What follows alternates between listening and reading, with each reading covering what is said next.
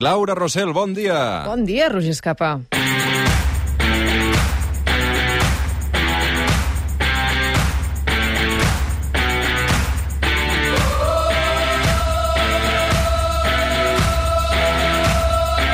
Com anem, Laura? Molt bé. Has escoltat el CISA? He escoltat el CISA, sí. En... No m'ha quedat molt clara l'explicació del concepte galàctic. No. Què fa que una persona o una obra d'art sigui galàctica o no. Has d'estar Però en alerta constant en aquesta entrevista, eh? però és un personatge és fascinant. La tornaré a escoltar, eh? No, no, és, és fascinant i són d'aquestes entrevistes agraïdes, agraïdes, agraïdes, que estaries hores. Um, a més, ens ha dit que això no sé, si, no sé si se li ha escapat o no, però que canta una cançó al nou disc de Manel que encara no s'ha publicat. Home. Han registrat una cançó i que... Tens, ja tens titular, eh? Tenim titular. No sé si Manel li agradarà gaire, perquè sí, jo crec que se li ha escapat, però ens ho ha acabat explicant. Um, en fi, Laura, com està? Com ha anat aquesta primera setmana? Perquè de dilluns a divendres, la Laura Rossell la sentim amb el Kilian Sabrià al Catalunya Nit de 9 a 11.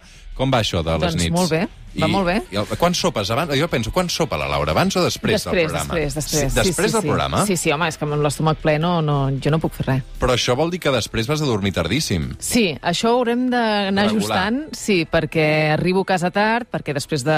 quan tanquem els micròfons, diguéssim, Sí, no, ens no. quedem tot l'equip, el Martí, el Kilian, el Gerard, l'Aurora i jo, eh, comentant la jugada, perquè evidentment ha estat la primera setmana, s'han de comentar moltes coses. Després arribes a casa, eh, has de mirar alguna cosa, no? No sé, ja No, no, ja, no, ja i- no fan res, ja no, el grasset ja no hi És dir, és... quan tu acabes un programa, eh, l'adrenalina està molt alta. Clar, no, per això et I dic que has no de mirar alguna cosa... clapar. Correcte, per, per fer baixar uh, la tensió de, del directe, diguéssim. Llavors, doncs, eh, m'enganxo a Netflix o m'enganxo a HBO, mentre sopo alguna cosa tampoc pots sopar molt, a No. quarts d'una de la matinada. Però bé, ho anirem ajustant, molt I contenta. això em passa el cap de setmana que deixarà l'horari i després fatal. És fatal, fatal. No et queixis, fatal. que són dos dies, No em que queixo, no em queixo, no em queixo. Um, a veure, amb la Laura Rossell l'any passat vam començar fent una abecedari lila uh, a partir de les lletres de l'abecedari, repassàvem conceptes, reivindicàvem dones. Això ho continuarem fent uh, aquesta temporada, Laura. Um, I és que al final uh, la paraula dona aquesta temporada a Catalunya Ràdio també està de moda, eh? Sí, mira, jo, jo també ho he pensat això, perquè tot l'estiu que l'Albert Segura ha estat parlant dels conceptes bàsics del feminisme amb una bèstia com és la- l'Alba Pous, la Pous a, a Twitter, també eh, el suplement de- d'estiu amb la Dan Martín, amb la Bel Olit, ara en temporada regular la Terribas, la Carot, amb la Pineda, Charlie Pi, l'Empar, també jo, mm. doncs a les nits m'incorporo, la Virgili i el seu Les dones i els dies. Ahir, eh, aquell reportatge que vas emetre al suplement de les presons de, de dones, jo crec que, Escapa, estàs marcant tendència. Ui, sí. Perquè això ho vas començar tu. Va- Vam demanar que Quan féssim vas- aquest espai, sí. quan Vas inventar l'abecedari, per tant... Bueno, en fi, escolta'm, l'abecedari ens vam quedar la temporada passada de la lletra P. Uh, Pamplona. No, al revés, amb la O ens vam quedar. Ah, ens vam quedar amb la la O. P, eh? La P és la... Avui és... Vas per davant, ho P de veus? Pamplona. sí, Molt bé. P de Pamplona, P de Pussy Riot.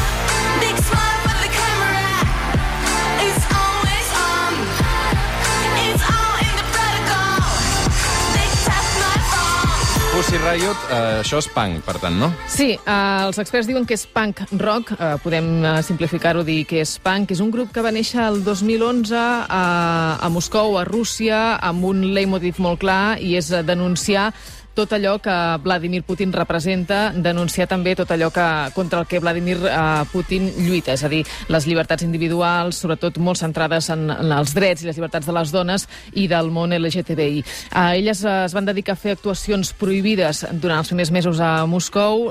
Quan van fer el salt a la primera plana internacional va ser una actuació que van fer a la catedral del Crist Salvador de Moscou. Van fer una punk oració titulada Mare de Déu, fes fora Putin. Allò els hi va costar una condemna de presó, gairebé dos anys a la presó a Rússia, poca broma, les condicions de les presons a, a Rússia. Les van alliberar just abans dels Jocs d'hivern del 2014 a Sochi. Molts van interpretar eh, aquell alliberament com un gest de cara a la galeria. En tot cas, les uh, Pussy Riot són la demostració que a Rússia, encara avui, el fet de ser homosexual, per exemple, és sinònim de ser un antisistema. Les Pussy Riot uh, van fer... es van rebel·lar, van dir la seva, van intentar trencar les cotilles del poder en, en ple segle XXI, de fet encara, encara ho fan, encara existeixen, i la protagonista que et porto avui, Roger, va fer una lluita molt similar, una lluita reivindicativa, en el seu cas basant-se en el talent com a periodista, en ple segle XX, en plena efervescència del feixisme. Protagonista amb la lletra P, qui és? Irene Polo. The blood is thick, thicker than my thoughts are quick, quicker than my thoughts turn sick, sick, sicker than my temperature. Irene Polo i Roig, Barcelona 1909. Totes aquestes eh, cançons, totes aquestes melodies que la Laura Rossell ens proposa al llarg d'aquesta secció, recordeu que també les podeu trobar a l'Spotify del programa al suplement. Irene Polo i Roig, Barcelona 1909. Sí, ella és la gran de tres germanes, eh, va néixer i va, va créixer al Poble Seca de Barcelona. El seu pare era guàrdia civil i va morir quan ella era petita, per tant ella aviat es va posar a treballar per ajudar la mare a tirar endavant la família. Com tantes dones i tants homes també d'aquella època, no va poder estudiar, va aprendre tot el que va saber pel seu compte, va estudiar pel seu compte. La primera feina va ser com a secretària, la van fer fora de seguida perquè no callava ni una i va protestar quan li van voler baixar el sou, per tant, la van fer fora, es va haver de buscar les garrofes en un altre lloc i va començar a treballar com a periodista en una revista de l'època que acabava de sortir, que es deia Imatges.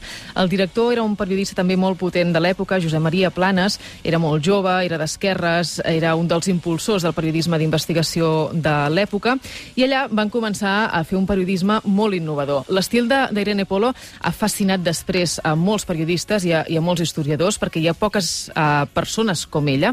Hi ha també, per cert, poques imatges d'ella. N'hi ha una que penjarem després a, a les xarxes, no sé si a les meves o a les teves o a les del suplement, però la, les penjarem. Sí. Se la veu al costat de l'actor Buster Keaton. Um, en Keaton va venir a, a Barcelona i a Sitges a passar un cap de setmana i ella s'hi va afegir. Es va afegir a la comitiva de Buster Keaton i el va acompanyar amb la seva dona i amb altres actors de, a passar el dia a Sitges i en, en una de les fotos que se'ls veu eh, ell eh, acostant-se molt i mirant el que fa ella, que és estar prenent notes amb una llibreta. La crònica d'aquella visita de Buster Keaton a, a Barcelona és una de les més aplaudides d'Apolo. A la revista Imatges no va durar massa, va tancar després alguns números i llavors Irene Polo comença a col·laborar amb diferents diaris i revistes de l'època, amb La Humanitat, també amb La Rambla, amb l'Opinió. Eh, sempre eh, publicacions molt properes a l'òrbita d'Esquerra Republicana. Ell es mou eh, en aquest eh, tram ideològic, diguéssim. Era capaç de retratar amb una gran habilitat els conflictes socials de l'època, en un moment que penseu era just abans de la Guerra Civil, per tant, un moment molt calent, també revolucionari, no?, previ a aquesta eclosió del franquisme. Ella captava l'ambient de la ciutat, la tensió que anava augmentant, denunciava les condicions de vida dels immigrants espanyols que, que havien eh, arribat a Catalunya, també la cruesa d'algunes revoltes obreres, de la pobresa, articles de crítica social, articles a favor de les llibertats individuals, molt divertits, per exemple, uns en els que parla de l'escot femení, no? de la moda d'ensenyar una mica més de carn de les dones en aquella època, també del nudisme, ella va ser una de les primeres que van anar a les platges eh, nudistes. En, en definitiva, ningú, i encara menys una dona, havia fet mai aquell tipus de periodisme. Tot això sent molt jove. Estem parlant d'una periodista que eh, en aquesta època està tenint uns 22, 23, 24 anys, per tant, eh, molt, molt avançada també per l'època. Total, eh, al final, el, eh, un moment important en la seva vida és quan té 26 anys. En aquella època està escrivint per una publicació que es diu Última Hora, també de l'òrbita d'Esquerra Republicana, i allà li fa una entrevista a la Margarida Xirgo, que és una, una actriu molt important de l'època.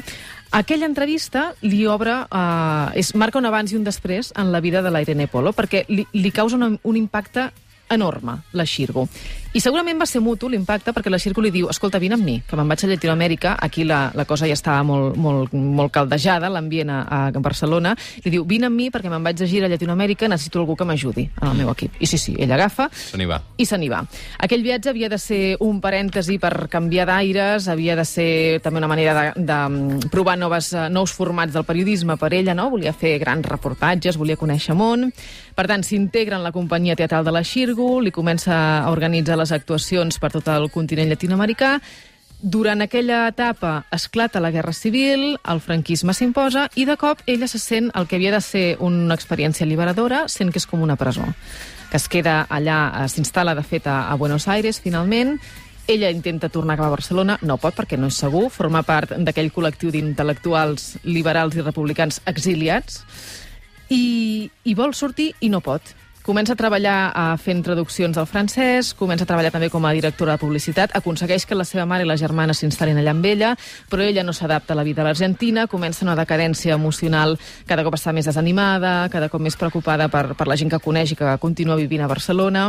I arriba un final tràgic, no? Exacte, entra en una, en una espiral d'angoixa, de depressió. Ella ho expressa molt bé en les cartes que, que s'enviava amb, eh, amb amics i amb companys que encara vivien aquí. Finalment, l'abril del 1942 se suïcida. Tenia 30 32 anys. 32 anys, 32 eh? anys, Imagina't. molt jove. Uh, és un personatge que s'ha descobert... Uh, bé, alguns hem descobert fa poc, d'altres... Com hi vas arribar, tu?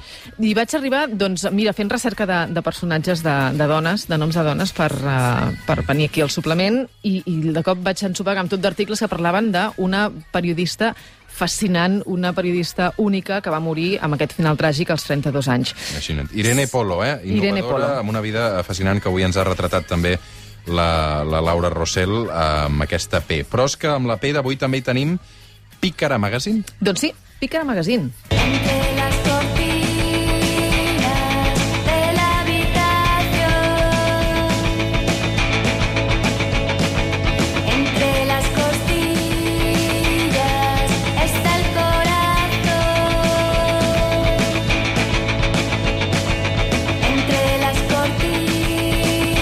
Cortinas. A veure, Pícara Magazine, una publicació feminista, Laura. A veure, explica'm més detalls, d'això. És una publicació especialitzada en temes socials, polítics i culturals, però des de l'òptica del feminisme. Neix a Euskadi el 2010, fa un periodisme crític, molt crític, sempre al costat dels moviments socials, els drets i les llibertats individuals. Es publica online i en paper, i també produeix material audiovisuals, eh, còmics, podcast. I al darrere hi ha un equip de dones molt potents, eh, de perfils molt diversos, i una d'elles la podem saludar en directe.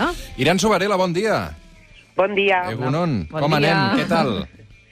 Pues muy bien, muy bien. Ahora escuchamos a Laura haciendo una descripción de la revista. ¿Ha acertado o no? Sí, es, es muy bonito porque siempre cuando la describe alguien desde fuera es como que te crees eh, el proyecto tan chulo en el que participas, ¿no? Como si no te pones modesta. Ah, Iranzu, ¿es un buen momento para hacer periodismo feminista? Bueno, es que yo suelo decir que lo de periodismo feminista, hacer periodismo que no sea feminista sería hacer mal periodismo, ¿no? Porque eh, bueno, pues por suerte y, y gracias a la lucha feminista estamos en un momento en el que se ha entendido que estábamos describiendo y relatando el mundo desde una perspectiva absolutamente parcial, que es la, perspectiva eh, masculina, patriarcal, ¿no? del discurso hegemónico. Entonces, bueno, para contar lo que está pasando en el mundo y contarlo bien desde una perspectiva periodística, hay que hacerlo con una, con una visión que incorpore la, pues fíjate, la mirada de, de al menos la mitad de la gente, ¿no? Que estaba siendo silenciada. O sea que es imprescindible. No sé si es un buen momento, pero es imprescindible. Claro, tú misma te defines en, en Twitter, eh, entre otros eh, sitios, como feminista radical. Dices, feminista radical es poco. Am, con, después mu- mucha, muchos, desde diferentes foros, desde diferentes medios, eh, te han dicho también que eres feminista radical, pero con, en este caso con una carga negativa. ¿Para ti qué quiere decir ser feminista radical?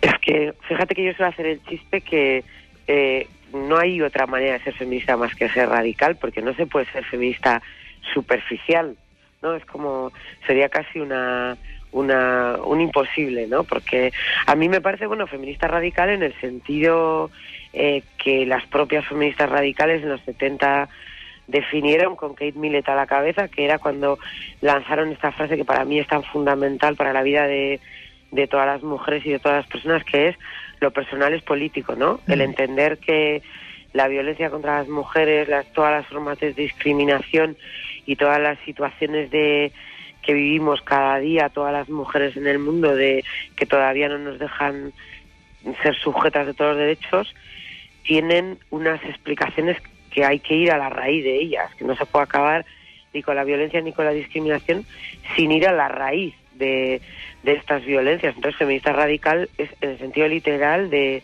de ir a la raíz de los problemas que explican y que, y que mantienen las desigualdades. O sea, que a mí me parece como, no sé, a mí la palabra radical siempre me ha parecido preciosa porque es ir a, a la raíz de los problemas y creo que en el feminismo es imposible no, no ir a la raíz. Los, los parches y las tiritas no funcionan, eso lo sabemos hace mucho. Pero sí que puede ser que haya mujeres, haya hombres que se sienten interpelados por la lucha feminista, pero precisamente esta visión de- del término radical pues eh, les asuste un poco. ¿No crees entonces en el feminismo soft? Bueno, es que a mí me parece imposible. Mm. Es como eh, lo, más soft que puedes decir en el feminismo sería eh, pues que estás en contra de que nos violen y que nos maten, por ejemplo. Entiendo que esto ya es algo que prácticamente toda la gente casi comparte, o al menos eso dice.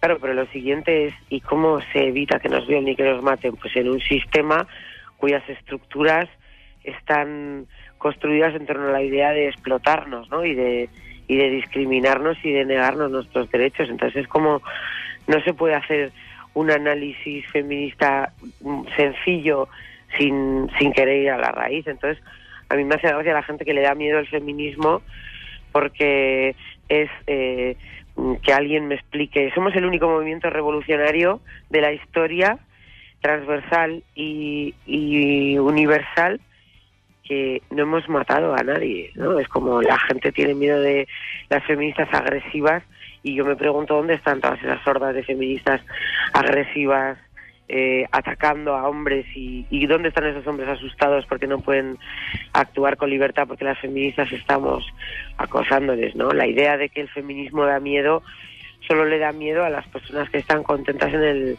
en el privilegio y en, y en estructuras de opresión. La palabra radical siempre me ha parecido preciosa. Ho ha dit l'Aran Sobarella, eh, avui el, su- avui el suplement és el titular que ens deixa. Eh, la podem llegir, la podem seguir a Pícara Magazine. Iran Sobarella, una abraçada ben forta. Moltes gràcies per atendre la trucada del suplement aquest matí. Moltes gràcies. Bon dia. I always imagine, like plenty of people in this industry, that actresses slept with Harvey because it was good for their career. I això que sona, el Rossell, què és? Doncs mira, això és un fragment d'un documental que és Untouchable, Intocable, que es va estrenar tot just fa dos dies, divendres. És un retrat d'un dels personatges més odiosos dels últims anys, que és Harvey Weinstein. És uh, una direcció de Ursula McFarlane i què recull Va ser aquest? de, de, dels primers que, que es va denunciar. Eh, el, el Weinstein va ser de, de, el, un, el culpable Sí. de que el, el, el responsable de- del mal mito va... Sí, sí, sí, sí. La- l'eclusió del Me Too, podríem dir, va arribar amb el cas uh, Weinstein. Doncs aquest documental recull tot de testimonis d'actrius víctimes dels abusos de Weinstein, també testimonis de periodistes que el van investigar, perquè van ser molts, i de treballadors de, de la productora que ell dirigia, i algunes frases que demolidores que ell pronunciava a les seves víctimes, com ara eh, puc llançar la teva carrera i la puc destruir, ensenya'm els pits, el toc un pit perquè és una cosa que acostuma a fer, etc. Més enllà de retratar el personatge, Com el rei Joan Carles amb Pilar Rahola. Amb Pilar. Crec que avui ho explica el divan amb Sílvia Coppola aquest vespre a TV3. Ahir va ser... Va ser uh, no sé si va ser avui, ahir, uh, disculpareu, eh? Uh, ara ho intentem... Uh, en tot cas, sí. li explica la Pilar un suc Rahola de taronja, posava aquest uh, exemple. a la Sílvia Coppola aquesta anècdota que hem de dir que la, la Pilar És aquesta nit, és aquesta nit, és aquesta nit. comparteix a, en alguns cercles molt íntims, sí que, sí que l'ha explicat i, i clar, evidentment és ella qui l'ha de fer pública. Bé, més enllà de retratar el personatge, aquest documental també exposa les complicitats de moltes persones amb Weinstein, perquè molta gent mirava cap a un altre costat, i també les seqüeles que el comportament eh, d'aquest personatge ha causat en algunes de les víctimes, que expliquen que se sentien absolutament aterrides quan ell se'ls hi acostava, que quedaven paralitzades, anul·lades emocional, emocionalment. I un de les, una de les veus d'aquest documental és Ronan Farrow, el periodista que va destapar l'escàndol. Farrow, atenció, fill de Mia Farrow i de Woody Allen. ¿Por qué tanto perderse? Tanto buscarse sin encontrarse. O sigui, el senyor que va destapar l'escàndol m'estàs dient que és el fill de Woody Allen, i Woody Allen, evidentment, amb tot el que comporta el personatge, Ah, que si es va casar amb la filla, que si... Tot I a lliga, més, eh? tota aquesta setmana per la Scarlett Johansson, Ah, no? aquí volien a parar. Scarlett Johansson aquesta setmana ha sortit en defensa de Woody Allen, eh, ha dit, entre d'altres, l'estimo, el crec, treballaria amb ell en qualsevol moment. Diu que n'han parlat obertament d'aquest tema més d'una ocasió i que se'l creu quan diu que és innocent. Recordem que eh, la relació entre Scar professional, la relació professional entre Scarlett Johansson i Woody Allen ve de, ve de lluny, eh? Van treballar plegats a Matchpoint, a Scoop i a Vicky Cristina Barcelona, a la qual pertany aquesta cançó que estem escoltant.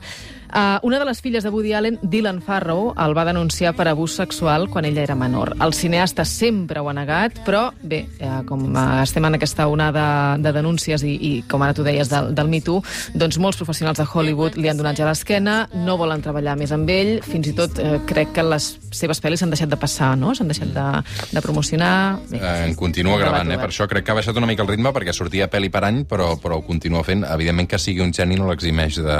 De fet, ara està l'última, no sé si l'ha acabat de rodar ja, que mm, a principis d'estiu uh, va venir a Sant Sebastián Continua treballant amb Jaume Roures. amb Jaume Roures, correcte, li va fer la presentació, de fet Mediapro és la, la productora de, de la pel·lícula. Laura, moltes gràcies per tot. Uh, A tu. Demà, clar, ara vindrà sis dies a la setmana a Catalunya Ràdio. Quina feinada, eh? Espera't. Demà t'escoltem a les 9. A més a més, aquest cap de setmana, amb, la, amb aquesta setmana amb la Diada, dimecres també hi serem tots plegats Mira, treballant. fet, per començar, demà anem al Liceu. És veritat. Uh, va, expliqueu què fareu al Liceu. Doncs hi ha la gala Catalunya aixeca el taló, llavors la segona hora, a l'hora de la tertúlia del Catalunya Nit, la farem des d'allà. Una gala que he vist que presenta una noia molt, molt, molt, molt jove, no? Ah, sí? Sí. Bé, que no m'he mirat el guió encara. Ho investigarem. Tres minuts per arribar a dos quarts de dotze, fem una petita pausa i Roger Mas i David Caravent al suplement. Fins ara.